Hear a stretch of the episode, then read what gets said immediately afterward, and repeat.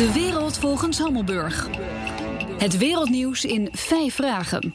Schotland droomt opnieuw van onafhankelijkheid. Robert Boele stelt de volgende vragen. Vraag 1. Mogen we Schotland zien als een Engelse kolonie? Nee, hoewel Schotland vanaf de Romeinse tijd tot de late middeleeuwen onafhankelijk was. In de 13e eeuw werden Engeland en Schotland verenigd, maar in de daaropvolgende eeuwen woedden een aantal onafhankelijkheidsoorlogen. In 1707 ontstond Groot-Brittannië en ondanks twee opstanden van de Jacobijnen moeten we Schotland en Engeland echt zien als gelijkwaardige Britse landen. Vraag 2. Mag Schotland een referendum over onafhankelijkheid uitschrijven?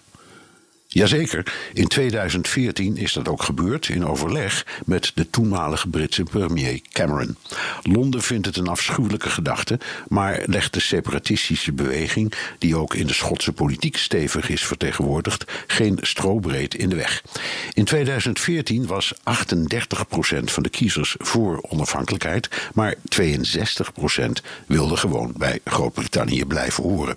Door de brexit is de kans op een nieuw referendum beslist reëel. Vraag 3. Kan een onafhankelijk Schotland lid worden van de Europese Unie? Jazeker, maar hoe dat dan moet is onduidelijk. Formeel zou het nieuwe land het lidmaatschap moeten aanvragen en met unanimiteit door de andere landen worden aanvaard. Dat duurt normaal een jaar of vier, maar misschien zou het in dit geval sneller kunnen.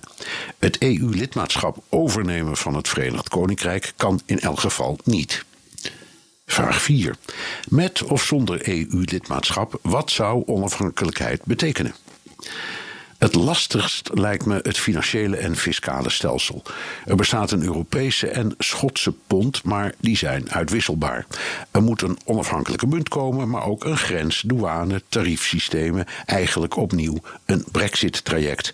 En het nieuwe land moet lid worden van de Verenigde Naties, de Wereldhandelsorganisatie, de NAVO en ga zo maar door. Echt heel ingewikkeld.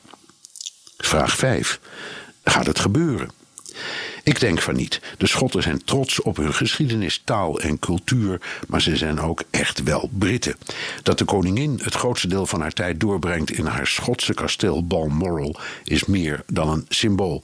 Ze zijn echt aan elkaar verknocht, de Schotten en de Engelsen. Maar door de Brexit weet je het maar nooit, want daar zijn de Schotten woedend om. Dank, Robert Boele.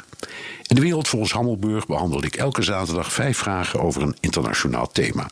Hebt u een onderwerp? Stuur dan een tweet naar @bnr of mail naar onlineredactie@bnr.nl.